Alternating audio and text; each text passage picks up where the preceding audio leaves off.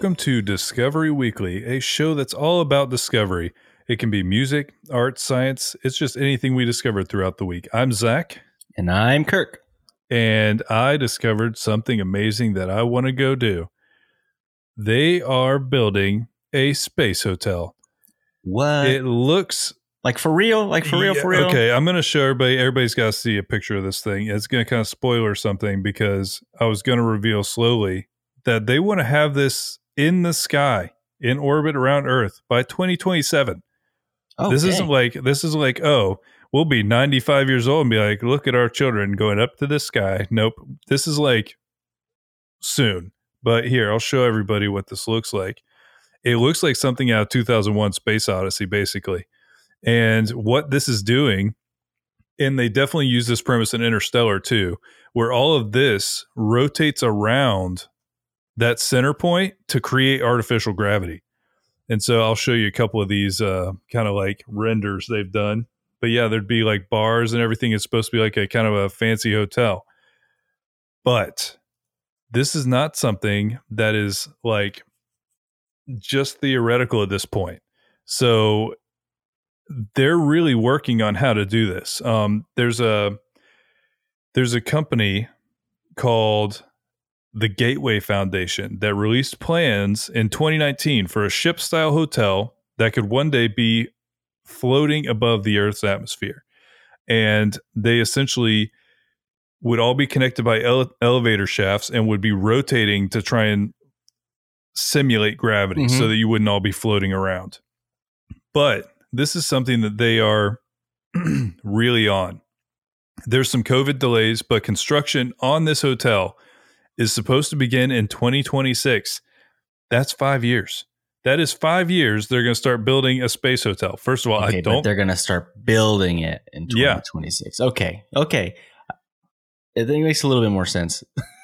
Yeah, no, but it's I like thought it was like gonna. I thought the plan was for it to be up there in 2026. no, the, but they said it could be up there by 2027 because this is something that they're basing around like what they would use for a boat. Okay. And what do you think- think, in your opinion, is probably the biggest hurdle for this? I don't know how you get this safe enough to the point, and I mean, I guess they could use legal forms, but like you don't normally have to sign like a waiver of your rights to go to a hotel. But I guarantee if there's one in space, there's got to be something, right? Oh yeah. You like because first of all, uh, that's assuming one that there's commercial space flight available, which that's pretty close too. That's what I'm saying is all these pieces are starting to fall in place around the right time. Like we've had the ISS there for a really long time. We know how to keep people in space for a really long time. We my question, and I, I don't. I'm sure they don't say it in here. Is how do you? Because that that's a big piece of equipment. How do you get it all up there? Are you gonna have to do it in chunks? I would guess like modules. Yeah, I would guess pieces like on SpaceX rockets, and then they would have to send someone up there just to like assemble everything because that's, That's how they did. That's how they did the ISS. Yeah. Is they would like they launched up like a center module like on a ship, but then other than that they would just attach pieces to it throughout. So that would be my guess on this too. And yeah, I would think the uh the price tag is going to be ridiculous. Oh God. But yeah, I, can't just have this idea of sitting at a hotel bar and looking out and you see Earth, you see the Earth outside, like all of it. It would be I, so I wonder if amazing. we could do what like I do at Disney, which is like I'm not gonna pay to stay here, but I'm gonna go to like the restaurants and stuff. oh, you you're gonna try to And just go to the like hotel I- bar in space like and not stay stay. there. yeah, yeah, I don't think they do that. There's don't- like it's not like a just, like, swing subway. No, there's no subway that'll bring you back like a couple hours later. No, and that's the thing is I do feel like commercial space flight's going to have to be really dialed in. But what I'm saying is you have commercial space flight. You have to launch a bunch of civilians to space. Then the civilians get to live in space, which is like I guess they can there's a lot of things they could model this after though. You know cruise ships and things like that have to be self-contained and able to do all their stuff on their own.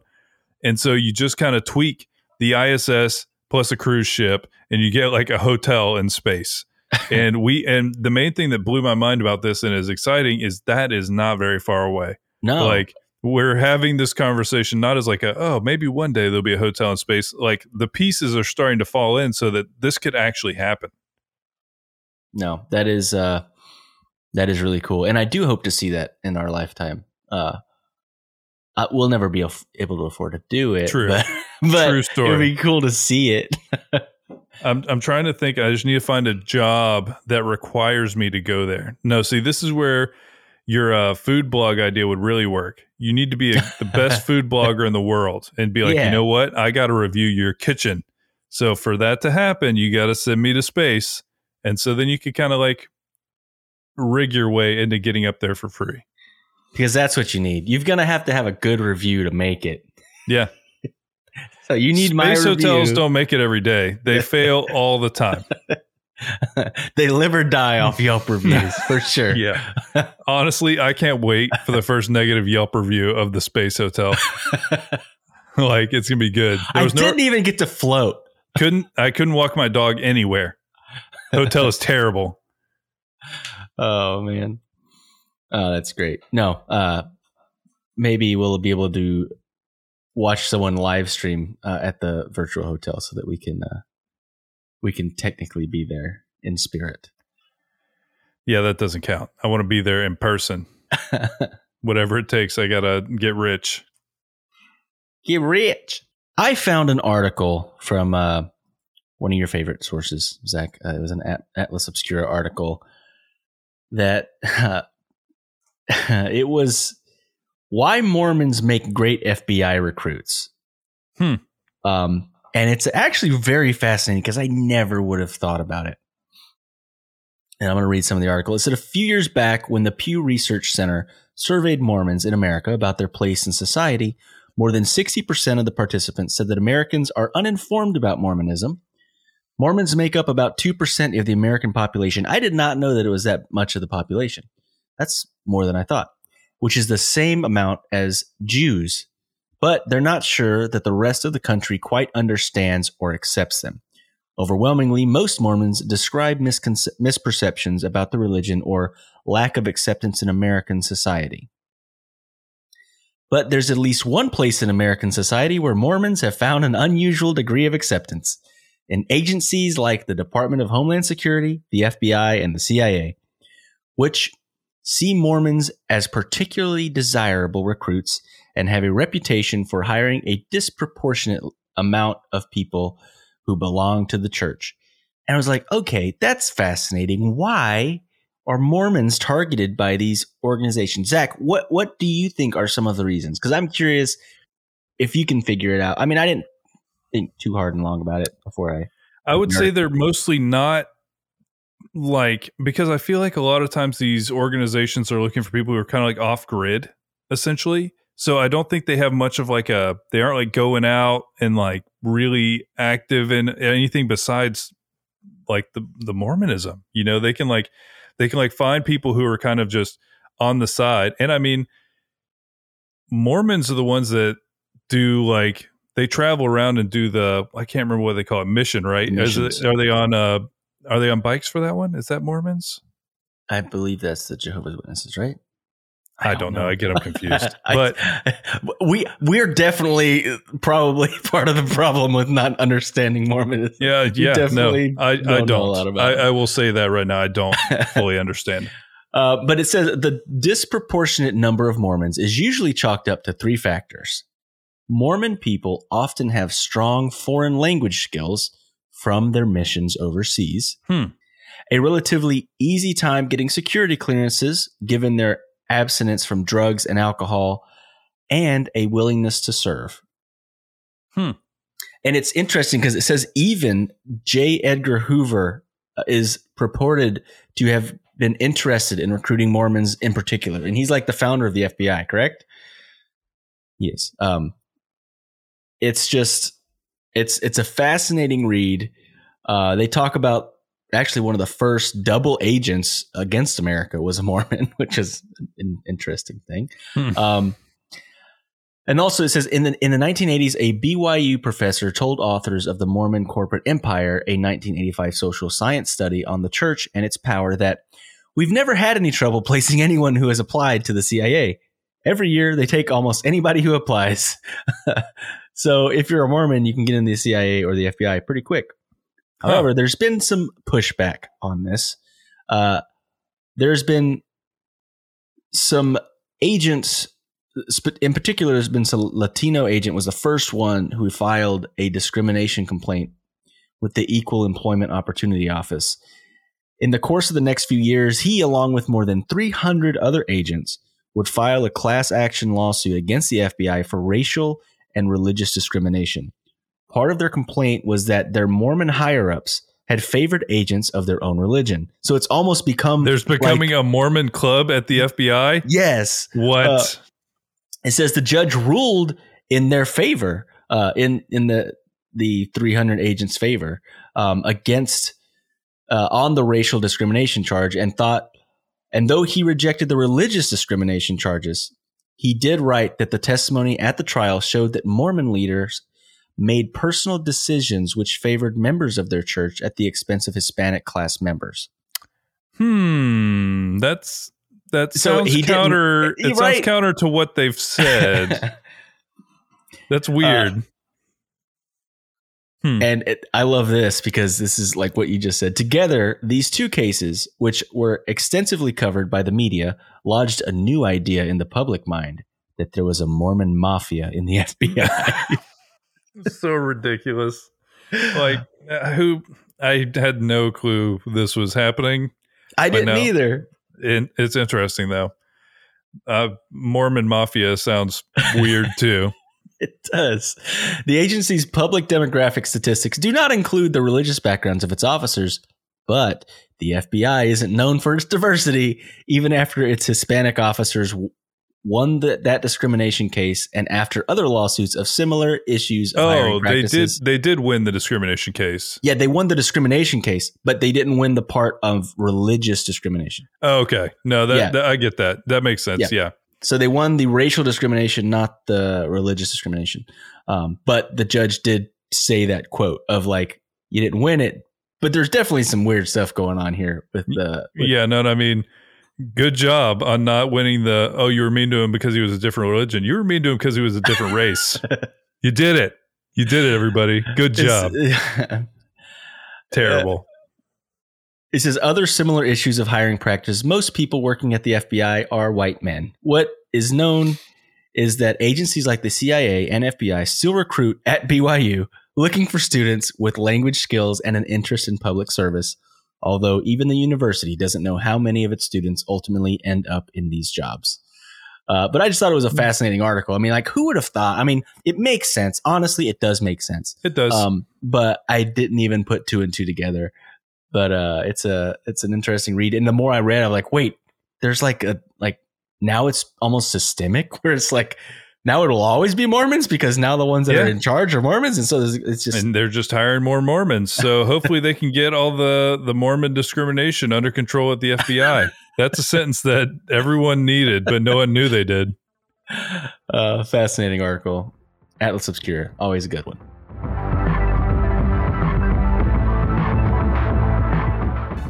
Do you love plants? Don't be silly. Of course you do. You might just not know it yet. I'm Vikram Baliga, the host of the Planthropology Podcast, the show where we dive into the lives and careers of some really cool plant people. Join me each episode as I chat with students, scientists, and professionals in the natural sciences and figure out what keeps them coming back for more. We'll explore their work, the ways they got into their fields, why they love plants and nature so much, and why you should love those things too. Planthropology is laid back and conversational and will keep you laughing and engaged whether you're a scientist or not. Follow along for this adventure into the sciences and keep being really cool plant people.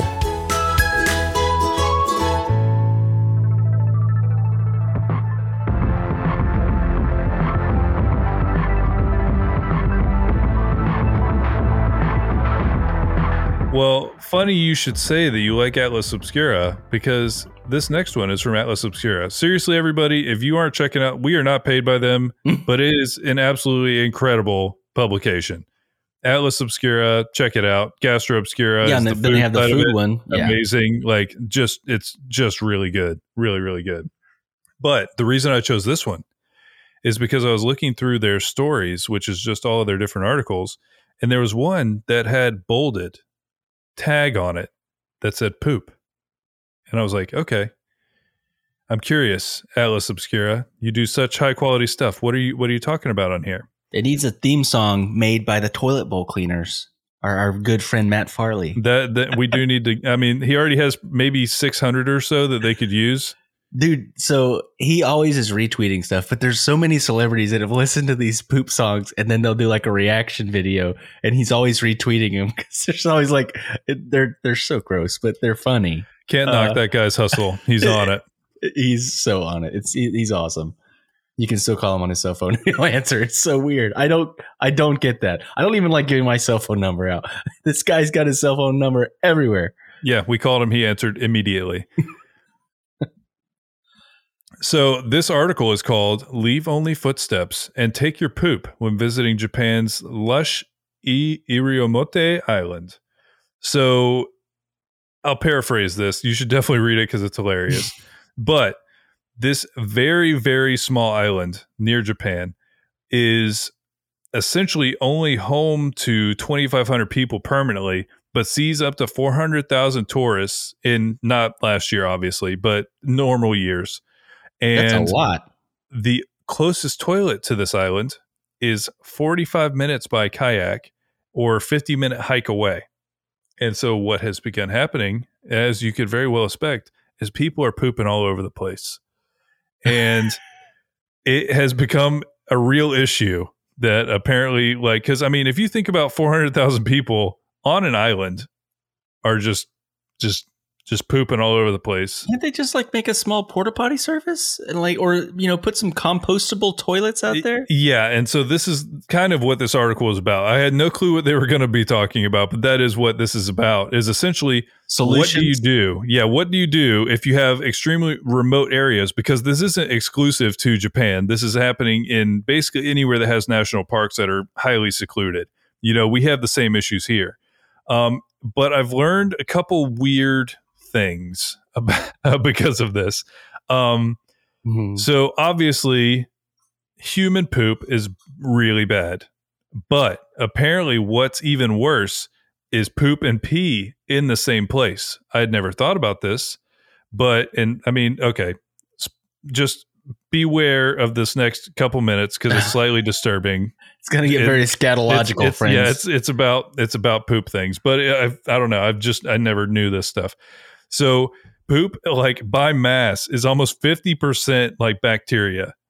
So I didn't know is, that. That is a lot of bacteria. Like, yeah, it's a lot. And the reason that is is because then if it like if it's on the ground, all that bacteria and then bugs break it down. But when you mix it with urine, then it creates just like an ammonia cloud that will kill all of the all of the stuff in there that's meant to break it down. And so that's what's happening here is uh, like 400,000 people a year are going to this island and are blasting it with just excrement. so they're like, you have ruined this beautiful island with your pooping everywhere. And so they've they've started reaching out to people to try and figure this out. What they ended up doing is they have essentially tent porta potties that they put there. Mm-hmm. And that has really helped a lot. But from this, I discovered another thing. There is a company called Toilet Tech Solutions, and this is an American company, and they literally specialize in high volume, like porta, like portable or isolated toilets. So that's their whole thing. it's it's ridiculous, and they use high like volume. conveyor belts and literally conveyor. Yes, there's a conveyor belt that separates the solids from the liquids because that's the thing. They say that the liquids plants like love it. You know, it's good for plants. The ground can just use it, but if it's mixed, then you have a problem. So they take the solids away into somewhere where the bugs and the like the natural bacteria can do their thing and they can break down naturally. I the thing is I had just never thought about this. like I had never thought about like why are you mixed why are these mixed or should they be or you know I mean it's just with our current, like with a toilet it just doesn't it's not a thing. But apparently it's bad. And so there's an entire company that builds these like urinals that you can put in the middle of a desert and they have built them in such a way that you can have hundreds of thousands of people use them and leave them there for 20 years and they're fine. You know, it Huh. like it breaks down naturally, and they have just found a way to do it. But it was just funny to me that there is like an entire industry, and all of these national parks are having to worry about because people are just pooping everywhere. Okay, I mean, it sounds like a beautiful national, uh, you know, national park and all that. Oh, it's amazing. But if if I'm gonna go visit somewhere that I can't go to the bathroom at, I don't know. what do you mean? You can't go to the bathroom? In the next to a tree. No, in the tents. They have little porta potties now. Oh, okay. So now, now, okay, I got you. I got you. Yeah, no, the problem was they didn't have porta potties before because they expected people to just not poop out there. But uh, apparently people resisted that idea. And so they Oh, were man. having they were having issues. So just people being people. People being people. Well, guys, I found something that a little bit blew my mind because I was like, "There's no way." But did you know that Nacho Libre, the movie with Jack Black, was technically based loosely on true events? I saw this article when you posted it, but I did not like when I saw Nacho Libre, no. I did not think that was at all based on reality. I thought that it was pretty much as far from reality as you could possibly get. and it's actually a really cool story. Um, so it's based off of this man in Mexico, uh, Sergio Gutierrez Benitez. He was born in 1945. He's a Mexican priest who supported an orphanage for 23 years as a lucha libre wrestler. Um, this is the So synopsis, good. and then we'll go into a little bit of a detail. It says while performing, he wore a red and yellow mask and used the ring fame, the ring name Fray Tormenta. He made only sporadic in-ring appearances in the 2000s before retiring completely from wrestling in 2011, but he still wears his masks even in his duties as a priest. I love that. I love that there's It's- a priest wearing a lucha mask. also I, I, there's just so many things i learned i learned that basically this has been a it seems like there was multiple movies written about this before he became what he is so apparently in mexico there's two other movies that are about this. And then he's like that's a great idea. And then he did it. Um, and then multiple movies have been written about him who actually did it. Um, it says he had long been inspired to become a masked luchador after watching two 1963 Mexican films, El Señor Tormenta, or Mr. Storm, and Tormenta en el Ring, Storm in the Ring, both of which feature the story of a poor Mexican priest who supported the children of his orphanage by fighting as a lucha libre wrestler at night. At age 22, Gutierrez at the time was a drug addict and an alcoholic. He became interested in the priesthood and was in and basically cleaned himself up and he was inducted into the Paris Paris Pits order. I don't know. It's a specific order of priesthood. His theological training took him to Rome and then Spain, and for a while he taught philosophy and history at Roman Catholic universities in Mexico. He later became a secular priest in the diocese of Texcoco, where he founded an orphanage named La Casa Hogar de los Cachorres de Freya Tormenta. Very long name, which would serve as the home of 270 children in need of money. Uh, 270 children in need of money to take care of the children. The father became the masked wrestler known as Fray Tormenta. It's just a fascinating So awesome. story and the way that he was able to uh, become a wrestler to support the children of this orphanage that he started. He started the orphanage, um, and then he's had more of a influence on pop culture than you would ever think. It says this is you know how Wikipedia now has like trivia questions about things sometimes at the bottom. Yeah. There's a trivia question about this. It says the or you know for trivia, the video game character King from Tekken, Crasher Wake from Pokemon, Tizoc from Fatal Fury, Leon from F Zero, and Greco from Chrono Cross were inspired by his story, as were the movies Nacho Libre with Jack Black playing Ignacio Na- Nacho as Fray Tormenta, and he also inspired a French film that I can't pronounce. But because of his actions, he inspired all of these different things, which is amazing. Just a great. I like, The yeah, I like all of that. that Nacho uh, forever now. I will think of Nacho Libre as a documentary. It, oh, it was always meant to be. Get that corn out of my face. Get the corn on my face. Is the best. yeah, that's uh that's a, an amazing story for sure. Thank you guys so much for listening to this week's episode of Discovery Weekly. We really appreciate it. Um, we are very excited to discover some more stuff this week, and we will be back with you guys next week to tell you about those things. And I hope you guys have a great week. We will talk to you soon. Bye. Bye bye.